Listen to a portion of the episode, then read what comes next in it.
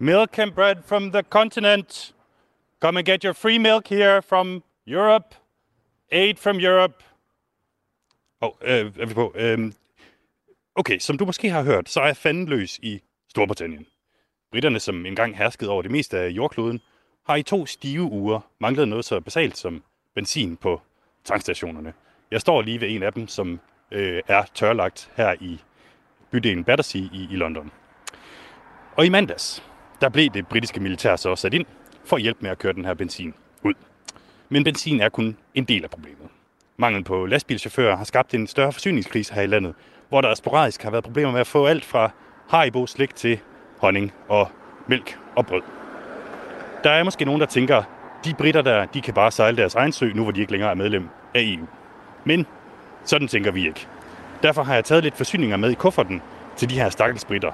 Øhm, altså lidt mælk og lidt brød over fra, over fra kontinentet, og taget plads på en campingstol ude for et lille supermarked her i, i London. Jeg hedder Mads Anneberg, og det her er Kontinentet på Radio 4. Come and get your free bread, free bread and free milk from Europe. Free bread. Último aviso a los señores pasajeros del vuelo Brussels Airlines destino Bruselas. Let Europe arise. We love Europe. I love Europe anyway. I love it. De la merde, de la merde, de la merde. Du lytter til Kontinentet på Radio 4. Ça oui, c'est du bon travail.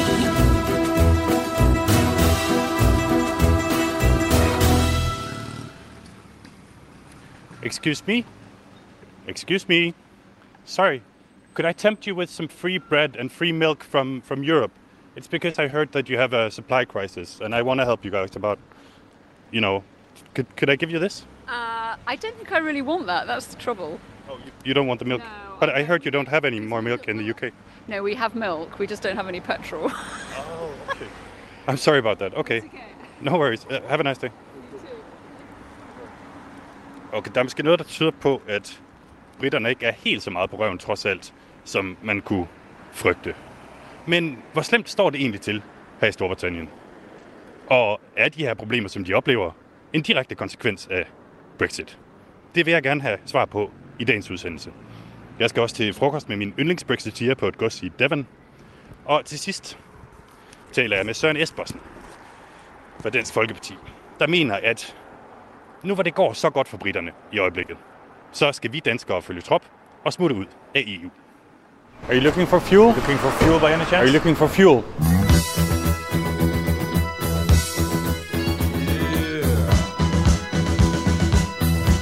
Hi, I just wanted to tell you that there's this big Tesco down there on Town Lane. Yeah. They, they should still have uh, fuel. They got a big delivery this morning, they told me. Okay. Yeah. Thank you very much. No problem.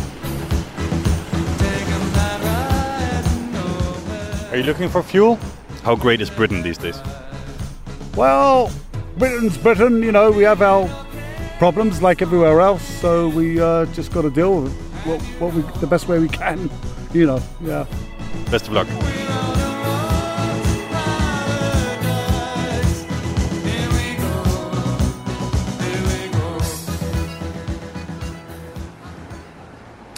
Nu kan jeg byde velkommen til dig, Lidas Heinskov, London-korrespondent for, for Politiken.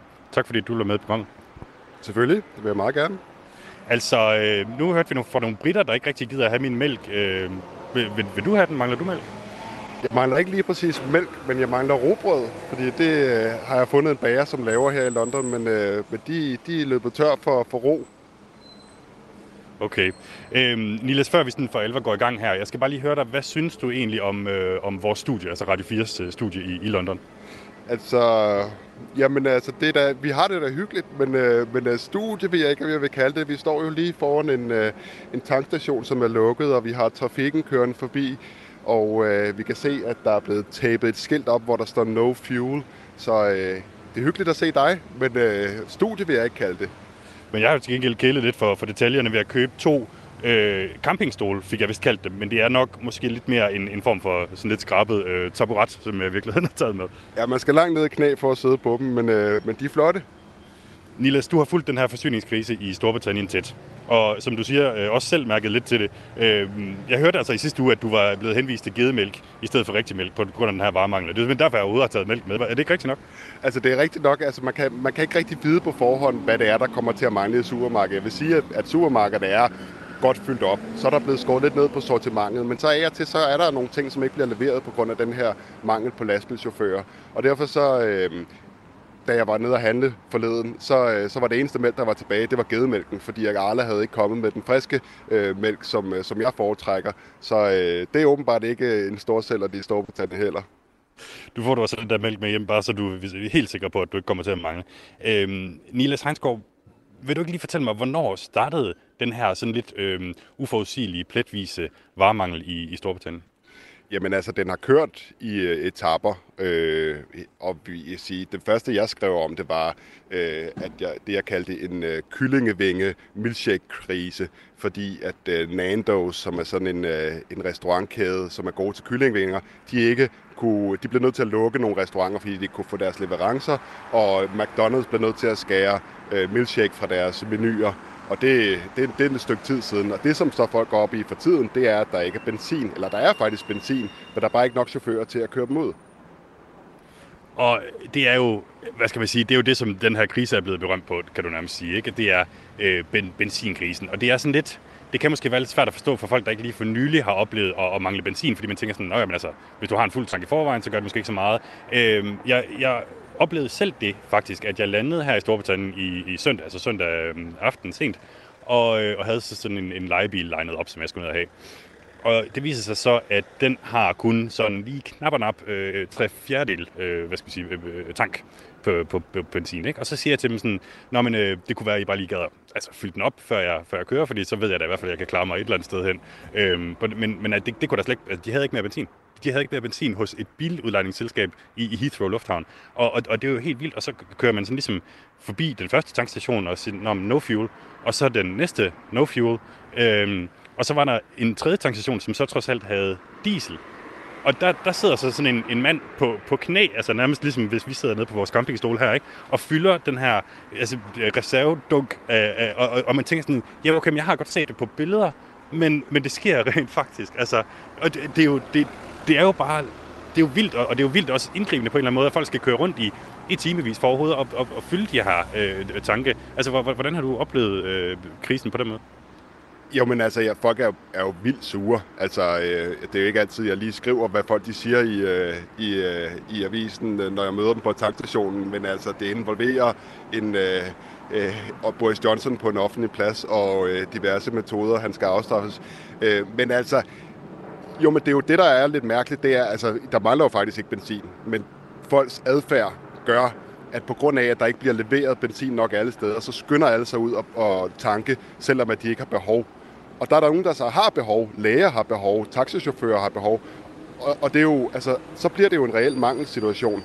Og øh, for de fleste er det ikke så alvorligt, men det, det, der er alvorligt ved det, det er, at det clasher fuldstændig med Storbritanniens selvopfattelse som et moderne, verdensførende Øh, altså, det, det, de går meget op i at være de bedste i verden. Og det er man jo ikke, når man ikke kan tanke benzin eller købe mælk i supermarkedet. Nej, det er fuldstændig øh, spot on det der, men altså, et eller andet sted, så, så har jeg også lyst til at, at, at faktisk bare lige understrege lige nu, at måske da jeg landede i søndags, og, og hele sidste uge, der var den her benzinkrise, altså, øh, det, der, der kørte den derud af for, for fulde øh, gardiner. Men nu virker det som om, at ja, vi står godt nok ved en taxistation, hvor der ikke, øh, hvor der ikke er noget benzin, men, men det, er, det er efterhånden en sjældenhed. Altså, de, de fleste har fået nu af mit indtryk. Er, er du enig i det, bare lige ganske Altså, det er rigtigt nok, men nu bor jeg så i London, og der er stadigvæk store problemer i London og, og det sydlige England i det hele taget. Men altså, når du er oppe nordpå, jeg har lige været i Manchester, der er ikke de samme problemer. Øh, men altså, så kommer der jo den næste øh, krise rundt om hjørnet, ikke? Øh, lige nu så tiden snakker vi om Pigs and Blanket-krisen, som er en slags øh, baconroulade eller pølser i svøb-krise, fordi at, øh, det kan folk åbenbart godt lide at servere til kalkunen juleaften. Og der er problemer med at få slagtet svin, øh, så derfor frygter folk, kan vi få pigs and blanket til jul? Er det både pig and blanket, eller er det bare en af tingene? Altså, det er jo fordi, de er svøbt i bacon. Øh, og derfor så det er denne maleriske beskrivelse. Men, men der kommer jo hele tiden nye ting til. Øh, øh, altså, der er flaskehalse he- overalt i samfundet, ikke? Og, og der mangler 15.000 slagteriarbejdere, og det betyder, at der lige for tiden er, er fare for, at man bliver nødt til at destruere øh, 100.000 svin, som ellers skulle være slagtet og spist. Jeg vil så bare lige sige, i forhold til benzinkrisen, så er der jo mange, der har pointeret over for mig, at hvis nu medierne ikke havde lavet et stort nummer ud af det der med, at der lige på et eller andet tidspunkt måske manglede noget benzin på, på to tankstationer et eller andet sted i, i, i England, øh, så var der måske ikke blevet øh, den der sådan panikstemning, hvor alle lige pludselig skulle ud og, og hamstre, og så var problemet måske ikke gået så, så, så altså, blevet så stort. Og, og det, det er jo kontrafaktuelt, men, men jeg har tilbøjelig til at give dem til at give dem ret. Ja, og altså, det er jeg helt sikker på, at øh, Boris Johnson og resten af regeringen, de bandede, da de så øh, The Suns forside for et par uger siden, hvor der var en, øh, en benzinstander med, med en enkelt dråbe benzin tilbage, hvor der stod, we are running on empty, vi, vi kører på tom tank. Og dagen efter var der også øh, var der jo kø ved alle tankstationer, ikke? Men, men det, altså, det kommer jo altså, ikke ud af ingenting. Der er jo Altså, der er jo reelle problemer, og det er jo derfor, de har sat herren ind. Altså, det er jo ikke noget, man, man gør øh, for sjov øh, til at køre benzinen rundt. Jeg har talt med nogle britter om, hvad de sådan ellers går og, og mangler om for tiden. Og vi skal bare lige prøve at høre et enkelt øh, klip med en, der hedder øh, Jamie, som siger sådan her. Oh gosh, um, there's things like toilet paper, uh, there were honey. I can get bottled water is a massive thing at the moment. Uh, I can't get it anywhere. Um, I'm trying to think what else. Pasta, nothing. Well, not nothing, but basics, especially bottled water. That's uh, you know I think every household would want that. But there you go. Ja, der mangler vand på flaske, der mangler pa- pasta, øh, honning, får hun sagt også. Altså, det, det er de der spøjse ting, som du også selv er inde på. Øhm, og jeg, jeg talte med nogle andre, som sagde også sådan, jamen det handler om, at jeg ikke kan få den øh, type kattemad, øh, jeg, jeg gerne vil have. Men jeg, jeg skal bare jeg skal bare lige hilse og sige, det er jo ikke sådan, at britterne sulter overhovedet. Altså, det er jo mere... Jeg, jeg har fået... Jeg fik forleden sådan en øhm, altså fish and chips, der, der var på størrelse med, med Jesusbarnet. Altså, de, de har jo mad i, i overflod på en eller anden måde, men det er bare no, nogle af de her sådan, bestemte produkter. Det er da selvfølgelig surt, men, men hvor slemt er det egentlig? Jamen, det er fuldstændig rigtigt. Altså, det er jo ikke slemt, at øh, en nation øh, med stor overvægt ikke kan få kyllingevinger hos Nando's eller milkshake hos McDonald's. Men det er jo irriterende, når man altså, mangler noget. Og det er jo det, det man ikke vant til. Altså, det virker øh, ude af trit med, med det samfund, som, øh, som Storbritannien ønsker at være. Øh, så det er jo... Altså, situationen er ikke katastrofal, men den er trods alt... Altså, det, det kan hurtigt komme. For eksempel er der øh, problemer med at øh, få leveret øh, sådan nogle rør til at tage blodprøver i. Øh, det er ikke kun Brexit øh, bestemt, men det er der, og der er forsyningsproblemer i hele, hele verden, skal man skynde sig at sige. Ikke? Så det er ikke kun Storbritannien, der har det her. Men det bliver mere alvorligt, øh, og, og derfor så, man kan sige, for tiden kan folk ligesom trække lidt på skuldrene over, at det trods alt er luksusproblemer. Men hvis vi snakker igen om et halvt år, og det stadigvæk er sådan, så er jeg sikker på, at stemningen er en anden. Og så skal vi selvfølgelig ikke glemme øh, de stakkels mennesker, der kører fra den ene tomme tankstation til den anden øh, i løbet af de sidste to uger. Are you looking for fuel? Looking for fuel by any chance? Are you looking for fuel?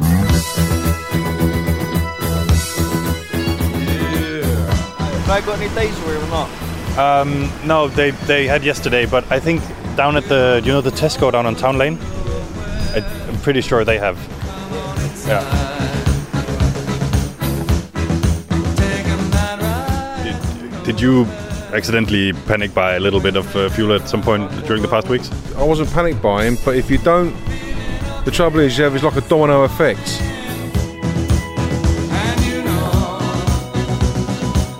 What do you make of this whole fuel situation? Diabolical, really. And who's to blame? The BBC.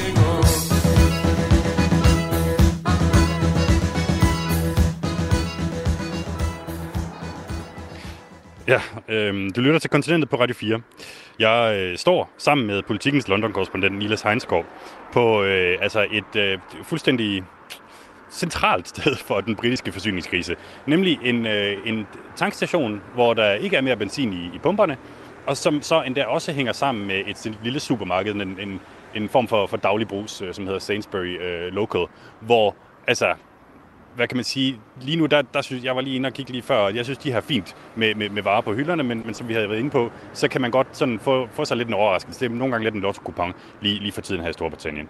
Øhm, problemet for britterne, det er, at de mangler arbejdskraft.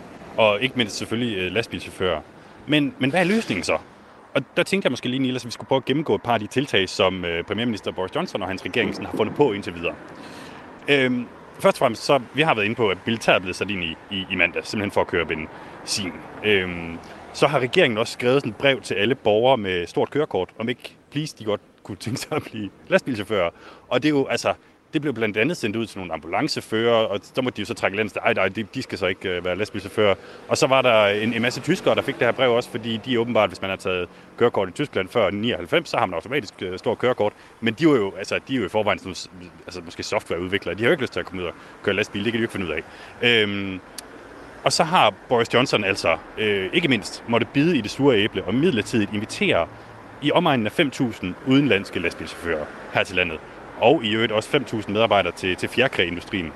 Øhm, og det er på trods af, at fidusen ved Brexit jo på en måde var, at det skulle være britterne selv, der skulle have de her jobs. Øhm, vi skal måske bare lige prøve at høre et lille klip, fordi min kollega Jeppe Rets Husted, han ringede nemlig til en dansk lastbilchauffør, Lars Søndergaard, for at høre, om ikke han kunne tænke sig at give britterne en hånd med deres problemer. Det er Lars. Hej Lars. Det er Jeppe fra Radio 4. Hej du. Er du ude at køre nu? Ja, det er jeg. Nå, Lars, må jeg høre, altså øh, først og fremmest, øh, har du fået et jobtilbud fra Storbritannien endnu? Nej, nej, og jeg har heller ikke nogen af mine chauffører, der har, op, der sagt op, fordi de skal, skal til England og køre, jeg sige. Okay. Men du har jo sikkert hørt i nyhederne, at de mangler chauffører derovre. Ja, helt sikkert, ja. Jeg, jeg læste her sidst, at de havde været seks dage til at redde julen. Det er da egentlig også uh, sådan lidt alvorligt, så må man sige. Nu forsøger de jo det her med at, at lokke chauffører fra Europa til Storbritannien. Og så tænkte jeg jo bare, der er vel ikke en chance for, at du kunne tage det over, så vi kunne, uh, kunne hjælpe britterne? Jamen, det, det kunne da egentlig være meget hyggeligt at komme til at prøve at køre lidt andet, men øhm, men nej, jeg tror ikke lige, jeg har både familie og det hele, så det, det passer ikke lige så godt ind i det heller ikke. Okay, okay. Lars, du er jo tidligere europamester i at, at køre lastbil. Der, hvor vi står nu, altså, føler du, at vi i Danmark sætter nok pris på, øh, på de kvalifikationer, som du så tydeligvis har? Eller tror du, at britterne faktisk vil være endnu mere taknemmelige? Jeg tror måske på nuværende tidspunkt, at britterne vil være lidt mere taknemmelige. Det tror jeg. Det er jeg rimelig sikker på, men det er selvfølgelig fordi, de står i en situation, hvor de virkelig har mangel på chauffører. Men det er ikke noget, der kan få dig til at ændre øh, mening i forhold til at tage det over, altså hvis, hvis de simpelthen sat mere pris på det stykke arbejde, du udførte? Nej, nej, ikke, uh, ikke lige umiddelbart. Nej, nej. Det er ikke, uh, det er ikke lige det, det, der står i kortene og på min kalender, at, at jeg lige skal udstationere mig selv lige i en tre måneder.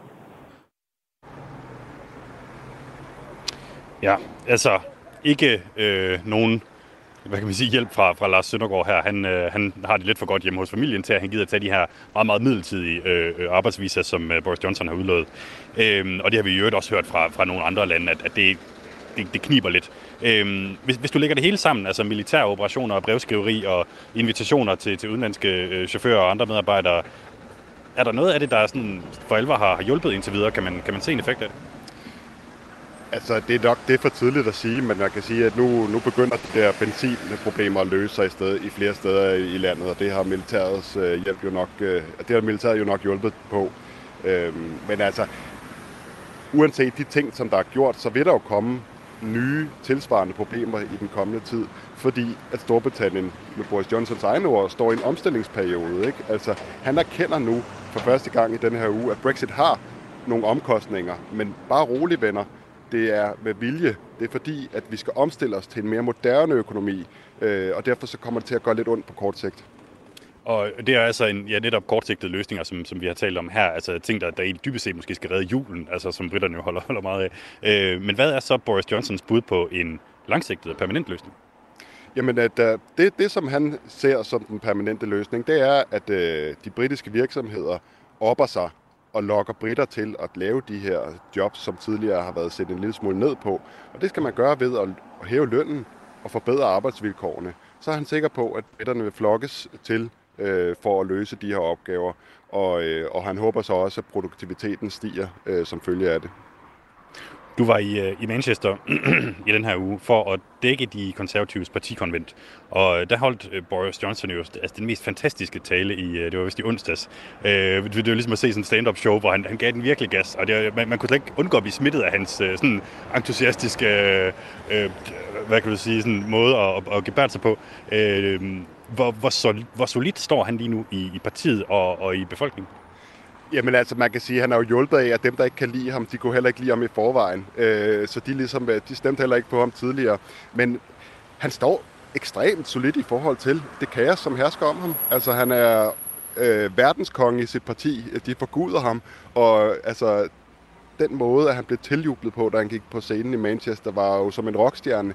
Og han er jo, altså, jeg tror, at en af de ting, som han gør rigtigt, ikke, det er, at i den her situation, som er altså lidt vanskelig, så rammer han simpelthen en optimistisk, håbefuld tone med hans sådan væsen, som, som folk faktisk har lyst til at høre efter 18 måneder i, øh, i øh, coronahelvede. Så, så, så er der mange, der egentlig godt kan lide at høre en optimistisk udlægning, uanset om den så har hold i virkeligheden eller ej. Men Nila Seinskov, altså London-korrespondent for politikken. Nu står vi jo her ved en af de, af de tomme tankstationer i, i, i Storbritannien. Kan der ikke også blive for stor diskrepans, han har sagt, mellem den virkelighed, som Boris Johnson maler, og, og det, som så egentlig sker ude i, i samfundet? Jo, og det er også, altså jeg, jeg tror da det er helt klart, at han skal passe på med ikke at overvurdere, hvor, hvor meget han har folk bag sig, fordi hvis det her bliver, bliver ved, så, så, så mister folk tilliden til ham. Fordi det, der ligesom er, er Boris Johnsons akilleshæl, det er, at folk kan faktisk grundlæggende godt lide ham, men er nok mere i tvivl om hans kompetencer. Altså, når man møder folk, så, så synes de, man hører simpelthen så ofte folk sige, jeg synes han faktisk, han er rigtig sjov. Men har... Den, den, den sjoveste politiker i hvert fald i landet, tror jeg. Altså, jeg, han, er, han er jo ekstremt sjov. Han er enormt morsom. Jeg har også svært ved at lade være at grine, når han taler. Men, øh, men dem er der faktisk mange af. Der er rigtig mange øh, politikere med humor herover. Men, men altså, Nej, jeg, jeg, jeg tror, at øh, altså, der er jo nok folk, der tvivler på, om han er den rigtige person til at lede et land igennem en krise.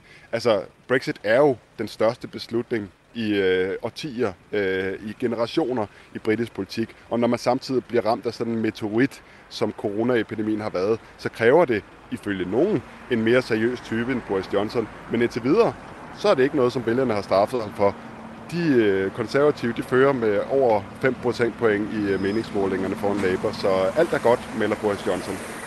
Det er vildt nok. Øhm, apropos øh, Boris Johnsons humor, så øh, en af de sådan, lidt, øh, ting, som jeg ikke kunne lade være med at grine af i, i talen der, det var jo, han får sagt noget med, at han, han kalder Labour-lederen, altså oppositionslederen Keir Starmer, for Captain Hindsight, øh, kaptajn Bagklog. Og så siger han, at kaptajn Bagklog, hvis han havde skulle, skulle rådgive Columbus i sin tid, så havde Columbus været, øh, været berømt for at opdage Tenerife, og ikke, og ikke Amerika. Og det var bare sådan de der, de der ting, hvor, hvor sådan, Johnson er den optimistiske. Det er ham, der vil, der vil fremad, og de andre vil tilbage og sådan noget. Og det, det altså, jeg, jeg, på en eller anden måde, så, så giver det jo god mening, at, at, at folk godt kan vækste lidt til småpenge. Men hvordan kan oppositionen næsten også undgå at profitere på, på den her krise, der jo trods alt har været ude i den virkelige verden?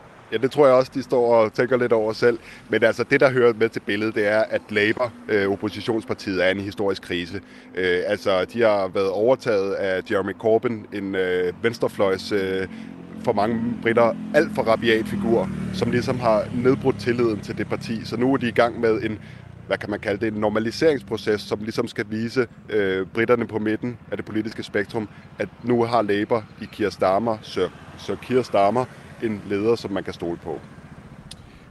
Nila Seinskov, London-korrespondent for politikken. Din tid øh, på, på campingstolen, altså Radio 4 Studio i London, er ved at løbe ud. Øhm, og lige om lidt, der skal vi have et nyhedsoverblik her på kanalen. Men øhm, bare lige ganske kort, fordi på den anden side, der skal vi nemlig høre fra min yndlingsbrexiteer, Francis Fulford, øh, sådan en, en, en meget ekscentrisk godsejer, som jeg ude besøg i går. Øh, han talte varmt for, at øh, Storbritannien skulle forlade EU i sin tid, og, og han fortryder altså ikke rigtig, sådan på trods af den nuværende krise. Bare lige sådan ganske kort, har du mødt eller hørt om nogen, der, har, altså, der fortryder Brexit, øh, og som ikke allerede var imod det, på grund af den her forsyningskrise? Ja, det har jeg faktisk. Altså på tankstationer, når jeg har været ude og interviewe folk. Altså der har jeg hørt nogen, der sagde, jeg synes ikke længere, det er en god idé. Og når du ser meningsmålingerne, så, så er der faktisk ret mange, der siger, at Brexit går dårligt. 58 procent siger, at Brexit går dårligt, og altså, vi er nede i omkring 20 procent for dem, som rent faktisk synes, det går godt. Men dermed ikke sagt, at øh, Brexit er ved at, at, at blive øh, revurderet i den offentligheden. Det her det kommer vi til at leve med. Og, altså, en eventuel revurdering det kommer til at ske årtier ned ad vejen. Ja, det er ikke sådan, man, man tænker, Nå, nu må jeg hellere gøre noget andet. Øhm, Niels Heinsgaard, tusind tak, fordi du vil være med, altså London-korrespondent for øh, politikken her på, på tankstationen i, øh, i dit område, Battersea i London. Det var hyggeligt, og tak for mælk. Are you looking for fuel? Looking for fuel by any chance? Are you looking for fuel?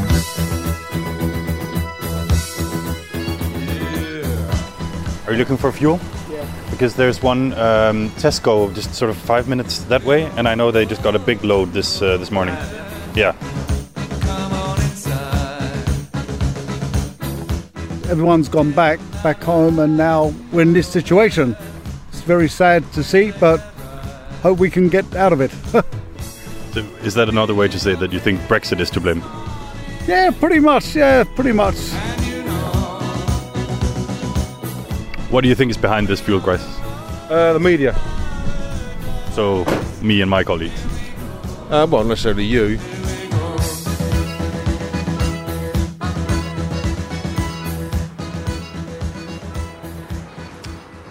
Ja, du lytter til Kontinentet på Radio 4, som altså ikke nødvendigvis er dem, der bærer skylden for forsyningskrisen her i Storbritannien, øh, som vi hørte fra en af de britter, jeg har talt med.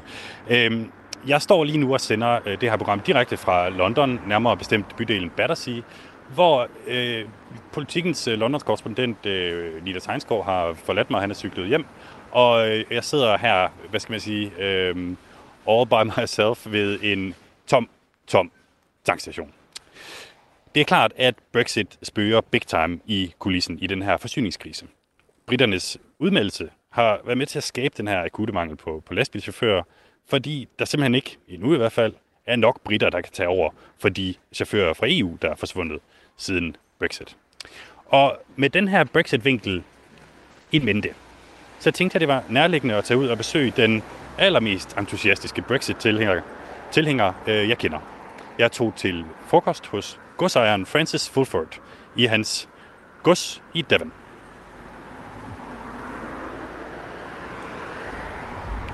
Og det kommer her. Jeg har kørt langt, langt ud på landet i England.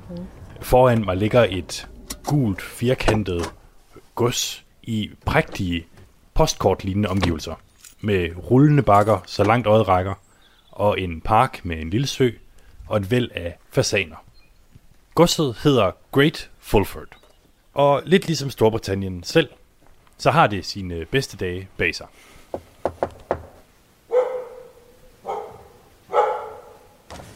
Man, come in. come on in. Come on. Jeg er her for at møde Francis Fulford, en britisk godsejer, tv-personlighed og ikke mindst en ærke Brexiteer. Jeg var her på godset for et år siden. Det var lige inden britterne trådte endeligt ud af EU, hvor Brexit-optimismen boblede på godset her. How's Denmark? Yeah, not too bad, I think. How's your journey? Yeah, I've all you come all this way to talk to me, man. I can't imagine why. However, Men spørgsmålet er, hvor optimistisk selv den mest overbeviste Brexit-tilhænger kan være, efter uger med benzinkrise, bilkøer og varemangel i Storbritannien, som følge af blandt andet Brexit. Francis, I guess deep down I'm just here to tell you that I'm really sorry that Brexit has turned out to be such a, a mess, you know, with long queues at the petrol stations and supply problems and everything. I'm, I'm just really sorry to hear it. Uh, we must remember, no battle plan survives the firing of the first bullet. And that's so true. Um, so there's no way a, um, anybody could have a plan of Brexit which worked flawlessly. And to even suggest that... Not even, not even Boris Johnson. Not even Boris Johnson. No, nobody. Um, but so you have to, as a leader, as a general, as a prime minister, you have to react to events as things go slightly wrong and things move a bit. Ingen kampplan overlever, når den første kugle er affyret, siger Francis Fulford, der med en fortid i militæret har lidt en hang til kampmetaforer. Med andre ord, man kan ikke forberede sig på alt, som Brexit bringer. You've just been to uh, France, is that correct? Yes, we just come back from a short break in Brittany, um, which was lovely. and we gorged ourselves on oysters and seafood. Okay, Francis, uh, be honest now. Did you go to France to get fuel on your car? I went. We, we went to France um, because I enjoy going to France. I mean, after all, we owned half of France at one stage. Uh, did I get some fuel? No. I mean, this fuel crisis is a complete. It's a small thing, blurred out of all proportion. I mean, down here in the southwest of England, no fuel ha- hardly affected us. Do you want to take a walk? You want to walk through? Walk through the big room. Yeah. No. Godset ligner noget, der er taget ud af en gammel engelsk krimiserie. Here we are in the Great Staircase. It soars the full like height of a house, uh, about 20 meters high, um, an enormous atrium with a grand 17th century staircase. Gulvene knirker på den helt rigtige måde. Hovedet af en jakokse, som blev skudt i Tibet i 1906, bryder balsalen. Og rundt omkring på godset hænger malerier af gamle konger, Fulfords forfædre og af militære slag. Who be dead chaps with red trousers? They're Danish soldiers, aren't they?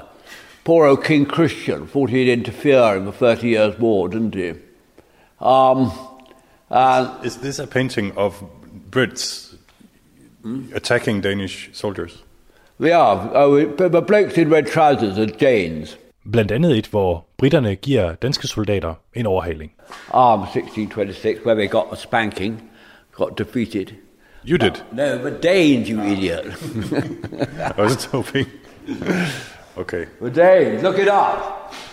Yeah, well. Yeah.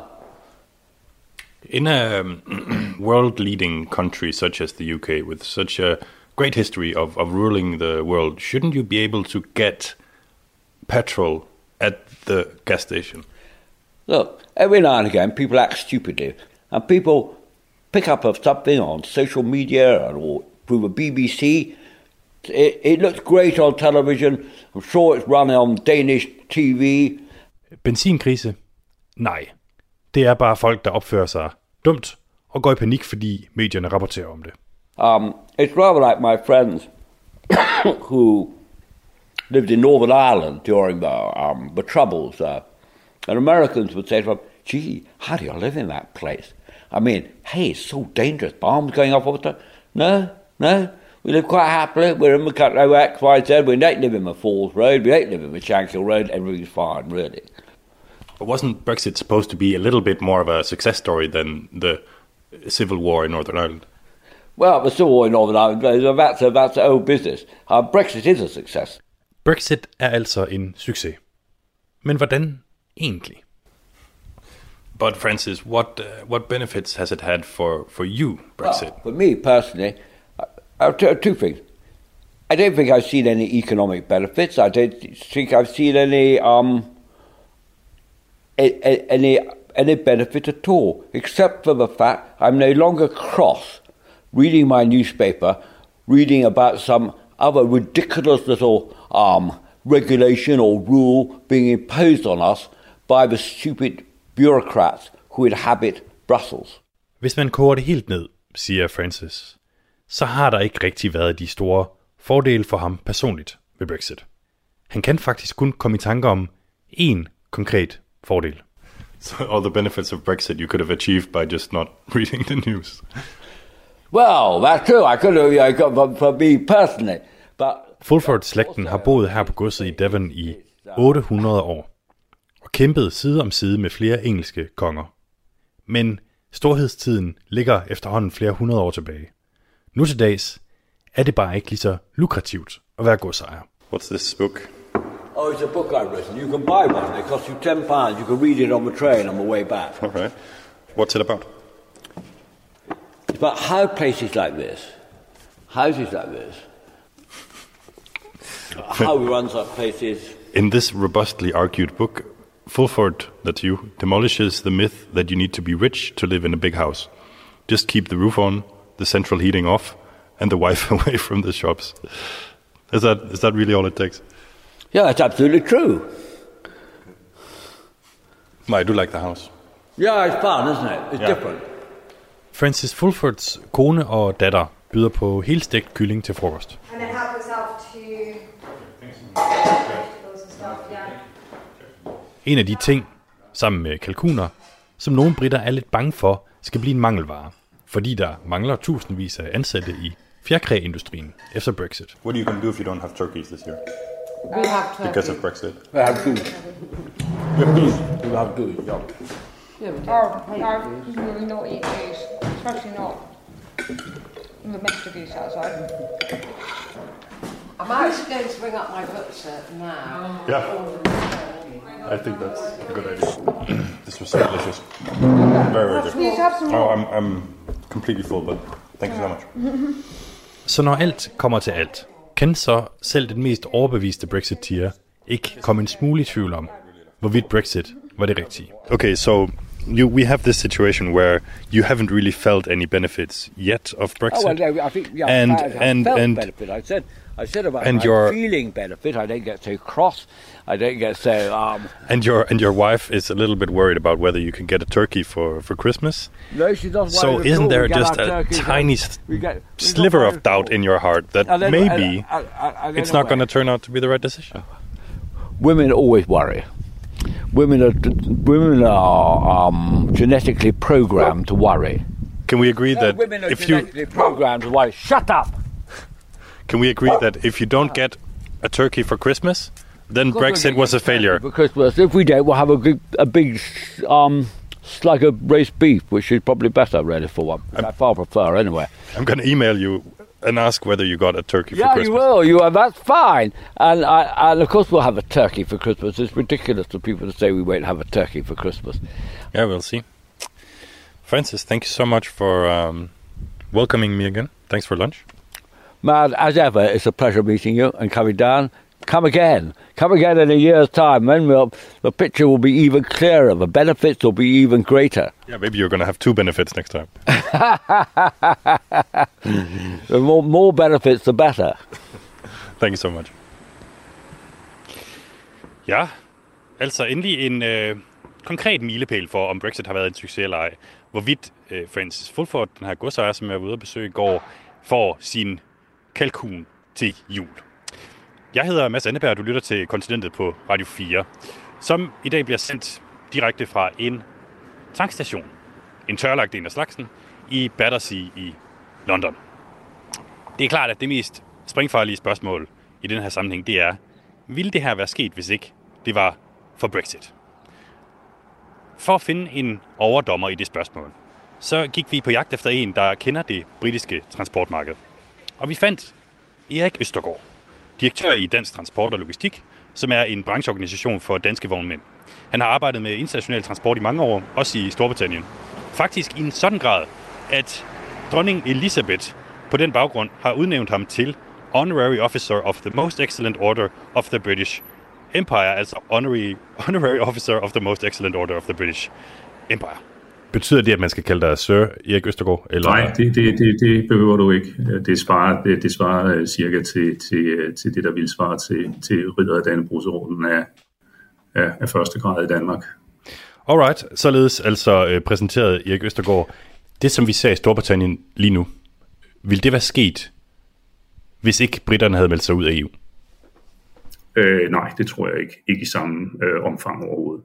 Der er ingen tvivl om, at der er en, øh, en masse chauffører, der allerede for, for, for øh, tre kvart år siden øh, øh, er vendt tilbage til, til Europa, Østeuropæer, der, der også var klar over, at, øh, at øh, hvis de har arbejdet øh, i Storbritannien, at, øh, at deres arbejdstilladelser ikke ville, altså de ville udløbe i, i, i, i takt med, med, med Brexit. Øh, så der er formentlig mange af de chauffører, der har været i Storbritannien, øh, typisk øh, fra, fra europæiske og østeuropæiske virksomheder, der, øh, der, der har, øh, er taget hjem øh, der i slutningen af året, og så som ikke er vendt tilbage igen det, altså jeg, jeg, jeg ser helt klart det her sådan som en, en, en, øh, en konsekvens af, at, at, at der er forsvundet rigtig, rigtig mange øh, chauffører, øh, som er taget til Europa, øh, efter at, øh, Storbritannien har meldt sig ud. Og det er vel også derfor, at, at, øh, at Boris Johnson har åbnet op for øh, en, i hvert fald en, en midlertidig tilladelse til, at, at, at 5.000 chauffører kan, kan, kan vende tilbage til, til, til Storbritannien, og jeg, vil- jeg ville have en forventning om, at der nok også er andre områder, øh, eksempelvis i, i landbruget eller andre serviceerhverv, hvor man, hvor man kan risikere at få nogle af de samme udfordringer. Hvad skyldes det så ud over Brexit? Så er der jo en situation, hvor at vi har haft corona i, øh, i, øh, i hele verden, øh, og, og så bliver økonomierne lukket op. Det er klart, vi har set lande, der har haft øh, betydelig negativ vækst, og så åbner vi op igen. Og så begynder der at komme fart på, på økonomierne, øh, både i Danmark, men også i, i, i resten af Europa, under Storbritannien og resten af verden. Og så kommer der en, en markant stigning i øh, den økonomiske vækst, øh, og dermed også en, øh, en markant vækst i øh, efterspørgselen efter transport. De to ting hænger, øh, hænger uløseligt sammen. Øh, Øh, så tror jeg, der har været en situation, hvor at, øh, at øh, også på grund af det kraftige lockdown, der har været over i Storbritannien, at der er, er måske en, en, en del chauffører, der har stået over for, at de skulle gå på, på pension, der har valgt at, at gøre det øh, under lockdown. Tidligere på ugen, der offentliggjorde I, altså Dansk Transport og Logistik, en undersøgelse, der viser, at knap 60% af jeres medlemmer, altså de danske vognmænd, har været nødt til at sige nej til ordre på grund af chaufførmangel. Har vi i virkeligheden de samme problemer i, i Danmark, som britterne har lige nu? Øh, altså som jeg lige sagde, så har britterne i min optik en, en, en væsentlig større udfordring, end, end, end vi har i Danmark. Man kan sige, der, der er nogen, der, der, der har meldt tilbage, at, øh, at, at, at de siger øh, nej til, til, til, til yderligere arbejde, fordi at, at de har deres øh, udstyr øh, øh, fuldt beskæftiget, og, og de har de chauffører, der skal bruge. Altså vi står jo ikke i en situation, hvor at der, der konkret er, det er i hvert fald ikke det, vi hører, hvor der er biler, der holder stille, fordi der ikke er nogen chauffører til at, at, at køre lastbilerne. Men, men et spørgsmål om, at, at vognmændene er lidt tilbageholdende med at tage nye opgaver ind. Så vi er i en situation, hvor at, at, at, ja, der er benzin på tankstationerne, og der er at de varer, der plejer at være på hylderne i supermarkederne, hvorimod at, at, at, at situationen i, øh, i Storbritannien er, er noget anderledes i den sammenhæng. Erik Østergaard, altså direktør for Dansk Transport og Logistik, og selvfølgelig også uh, Honorary Officer of the Most Excellent Order of the British Empire. Tusind tak, fordi du var med i programmet. Velkommen. tak. Are you looking for fuel? Looking for fuel by any chance? Are you looking for fuel?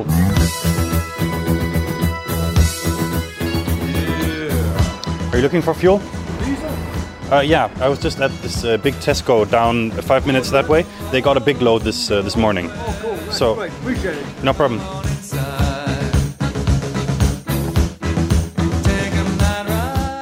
You have to get in the queue to get fuel. You're going to miss out. Everyone's just going out and just topping up. You know, and filling up jerry cans. Everyone's going mental. So it sort of puts you in a bit of a panic mode.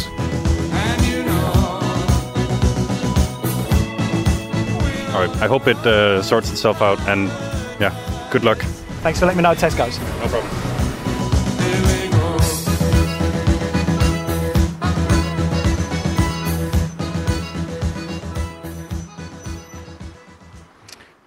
Hej Søren Espersen. Ja, hej hej. Jeg er rigtig glad for, at du vil være med i programmet. Jeg har glædet mig til at, at tale med dig. Jamen, jeg glæder mig også til det. Jeg må sige på forhånd, jeg har ikke øh, fulgt med i noget inden da, så det er lidt svært for mig at vide, hvis der er noget, der er blevet sagt, jeg ikke var orienteret om. Så Jeg skal nok lige uh, tage dig i hånden og, og opsummere, hvis der er eller andet. Øhm, jeg kan også lige fortælle dig, at det godt, at der er en lille forsinkelse på linjen, for jeg står nemlig over i Storbritannien i, i London lige nu og kigger på, på konsekvenserne af, af Brexit på en, på en tom tankstation. Øh, så man kan ja. sige, der, der skal lige, forbindelsen skal lige forbi Aarhus øh, først. Søren Jespersen, det, du er udenrigsordfører for Dansk Folkeparti, og det var jo noget af en timing i sidste uge. Ligesom bilkørende og nævekampene ved de britiske tankstationer var allermest intense. Der skrev du et debatindlæg, at nu har vi et godt billede af, hvordan britterne egentlig klarer sig, og nu skal vi så følge britterne ud i friheden, altså ud af EU. Øh, Søren, ser du noget andet, end jeg gør? Ja, det er åbenbart. Fordi øh, jeg, jeg skrev det netop øh, i øvrigt med overskriften, vi skal snarligt, mod, snarest muligt følge UK ud af, ud af EU med, med, med, med velberådet hu. Fordi det, vi oplever nu, øh, det er jo det, det, vi kan kalde øjeblikkelige udfordringer. Der er ikke andet i det. Og om et par måneder er det her løst igen, øh, ligesom det altid er. Øh, selvfølgelig, jeg tror, herren bliver ansat i forhold til nogle chauffører og ting og sådan noget. Så det klarer britterne det her. Øh, men det er det samme, øh, hvad skal vi sige, øh, hysteriske øh, konklusioner, som kommer fra EU-fanatikerne i, i Danmark og England, og sådan noget som det her, det sker. Det er klart, at man står i en anden situation i England, end, end vi gør i Danmark. Netop fordi de har forladt EU. Det siger sig selv, at så er det ikke, som det var før. Øh, og så er der nogle ting, der skal øh, justeres og falde i hak, og lurer mig, om det ikke lykkes, fordi det britiske folk er ikke helt idioter. Ja, det er, det er jeg meget enig i. Øh, nu, nu siger du det her med, at altså, britterne står over for nogle øjeblikkelige problemer, og hvis man bare sætter herren ind, så, så, så skal det hele nok gå til, til sidst. Altså, det lyder ikke som den, den mest appellerende politiske vision, jeg nogensinde har hørt om. Jamen, det er jo heller ikke præcis det, jeg sagde. Jeg nævnte et eksempel på, at herren kan levere Øh, 10-15.000 øh, chauffører, øh, der har stor kørekort i løbet af, ganske kort tid. De er begyndt at blive sat ind. Og så løser det her så med, at de, og, de centrale og østeuropæiske lastbilchauffører, som på grund af pandemien er, er hastet hjem til deres hjemlande, de nu skal til at, at, at finde ud af at komme tilbage igen til England. Og det vil ske, og man åbner for nogle uh, muligheder, sådan at de her de kan få uh, arbejdslicenser. Men selvfølgelig, altså, jeg synes bare, det er sådan et, et karakteristisk træk, um, at, at man bruger de her ting til at sige, se hvor forfærdeligt øh, det, det går. Øh, og det mener jeg altså ikke kommer til at ske. Øh, jeg kender de, det britiske folk godt nok, og også deres politikere, til at det her det er noget, som, som overstås. Og så i øvrigt, frihed og selvstændighed, det koster. Det er ikke billigt. Det er ikke gratis at ønske sin, sin selvstændighed og sin frihed. Sådan er det, og, og det skal man være, være parat til, og det er britterne også klar til. Jeg ser også reportager derovre hvor folk øh, de interviewer øh, mennesker på gaden. Jeg synes, det er ganske forfærdeligt, at, de, at vi stemte os ud, at de stemte sig ud dengang. Øh, dem kan man sagtens finde på gaden, men man kan sandelig også finde øh, andre, som er godt tilfreds med, øh, at det blev, som det blev, og ved, at det her, det, det bliver løst.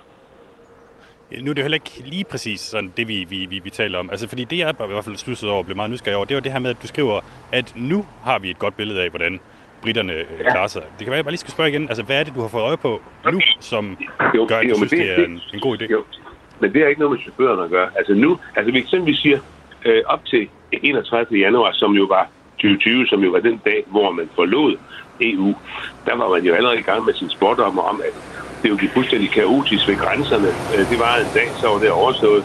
Øh, man sagde også, at øh, britternes jobs de vil forsvinde. Erhvervsvirksomheder vil ikke længere investere i London. Der er en investeringsløs som aldrig før. Øh, man, man sagde, at der ikke vil blive nogen udenlandske investering i, i, i Storbritannien, øh, og at London ikke længere skulle være finansmetropol. Det passede ikke noget af det. Altså, det, det er sådan nogle ting, som man bringer frem. Det er det store billede det her omkring de her chauffører og leverancerne øh, af både øh, brændstof og, øh, og også øh, enkelte øh, øh, supermarkedsting, det er jo, det er jo en, en, lille, en lille detalje i det store billede. Men alt det, der, der blev sagt, da, eh, da England forlod EU første gang i, i, i 2016, hvor man så skulle have en periode, hvor man skulle finde ud af det og få aftalt noget med EU, og så øh, frem til, til januar, jamen der var der ingen grænse for, hvor elendigt det ville gå på Storbritannien, og det passede jo ikke noget af det. Så jeg skal bare lige være sikker på, at jeg forstår øh, Søren Espersen, altså udenrigsordfører for Dansk Folkeparti. Øhm, der var nogle dystre spot om, om hvordan øh, det skulle gå med, med Brexit. I øvrigt så kan man måske også øh, tilføje, at det var nok nogle spot om, der handlede om en øh, såkaldt no-deal øh, Brexit. Nu fik de jo så en aftale med sig i, i hånden på vej ud. Øhm, men, men de er så ikke nødvendigvis gået i opfyldelse, som de mest øh, dystre af dem. Og fordi det ikke har været nogen kæmpe stor katastrofe, og, og britterne ikke står sådan med, med skægget 100% ned i postkassen, så skal vi altså i Danmark med ud af, af EU. Altså, skulle vi måske ikke sætte et lidt større, øh, sådan højere succeskriterie for, hvornår vi, vi, vi skulle gøre det? Jo, hvis EU kun havde noget med, med kroner og øre at gøre, eller euro hedder det så, hvis det kun var en økonomisk ting, så ville det, så ville det jo ganske udmærket. Men for mig og for mange andre danskere er det jo helt andre ting, der står på spil. Det er jo en politisk union som vi siger nej til. Det handler ikke om økonomi og handel, og hvordan vi kan hjælpe hinanden øh, på, på kryds og tværs, men det handler om, om man vil have, være et frit og selvstændigt land. Og, og det er det, som man hele tiden skal holde sig for øje, når så siger, se hvordan det gik. Ja, men der er øjeblikkelige problemer, men de er ude. Og det takker de deres, øh, deres skaber for at ske. Det er virkelig noget, der betyder meget for rigtig mange englænder, der har arbejdet på det her i overvis, og nu ser det lykkes. Så igen, hvis det kun er økonomi, ja, så var EU meget smart, øh, tænker jeg nok. Vi, vi, vi klarer os jo meget pænt rundt omkring i verden, men det er ikke det. Det er en politisk overbygning, der er i fuld gang. Også så med en... Ja, undskyld. Nej, det gør ikke noget. Det var, jeg tænkte lige, du skulle lige have lov at høre lyden af, af det her. Det er en, øh, hvad hedder sådan en, en, en benzin øhm, hvad hedder det, i grunden? en, en pumpe, som, øh, som man ikke kan tage ud, fordi der ikke er mere benzin på, på, på, på tankstationen. Øhm, set i lyset af, at, at der har været de her forsyningsproblemer de, de, de sidste uger og, og måneder i Storbritannien, hvor dårligt skulle det egentlig være gået med Brexit, for at du ikke synes, det var en succes? Men vi har ingen billede af det her endnu. Altså som jeg sagde, da, da det startede i 2016, og også faktisk efter januar øh, 2020, jamen der var, der, der var der en hel masse ting i gang, øh, hvor man arbejder for at ændre samfundet totalt, for det er jo 40 år, at man har været en del af det her. Selvfølgelig tager det lang tid at komme ud af det her. Jeg siger bare, de øjeblikkelige Men hvis problemer ikke vi her. har, hvis ikke vi har billeder af det endnu, hvordan kan du så sige allerede nu, at vi skal følge britterne ud? Fordi jeg ved, at de bliver en succes. Fordi jeg kender det britiske folk og deres uh, foretagsomhed, og at de er, de er altid er klar. Jeg bare siger bare, det er helt afgørende, uh, det er, at der er, du, kunne fortælle mig om, om en, en, en tank, der var tom. Ja, det ved jeg da godt. Uh, må det ikke det går. At på en eller anden måde, det, det falder i hak. Selvfølgelig gør det det. Vi har også været ude for enkelte ting, som fuldstændig har, har ændret vores uh, tilværelse. Du huske med de bilfrie søndage uh, for lang tid siden, fordi Anker Jørgensen holdt en tale osv., hvor Danmark var berørt i den grad. Det sker. Det er også sket i forbindelse med pandemien og andre ting. Det har, en, har britterne har vidst, at, at den her overgang vil blive meget, meget kun- svær. Ja. Vi har desværre kun 15 sekunder tilbage, så Espersen. Ja, Jeg er meget ja. ked af at skulle, at skulle afbryde dig. Øhm, rigtig, rigtig mange tak, fordi at du gad at være med i programmet her. Ja, men det er jeg glad for. Tak skal du have. Altså optimist, men optimisten og udenrigsordføreren for Dansk Folkeparti, Søren Espersen. Det var kontinentet for i dag. Mange tak.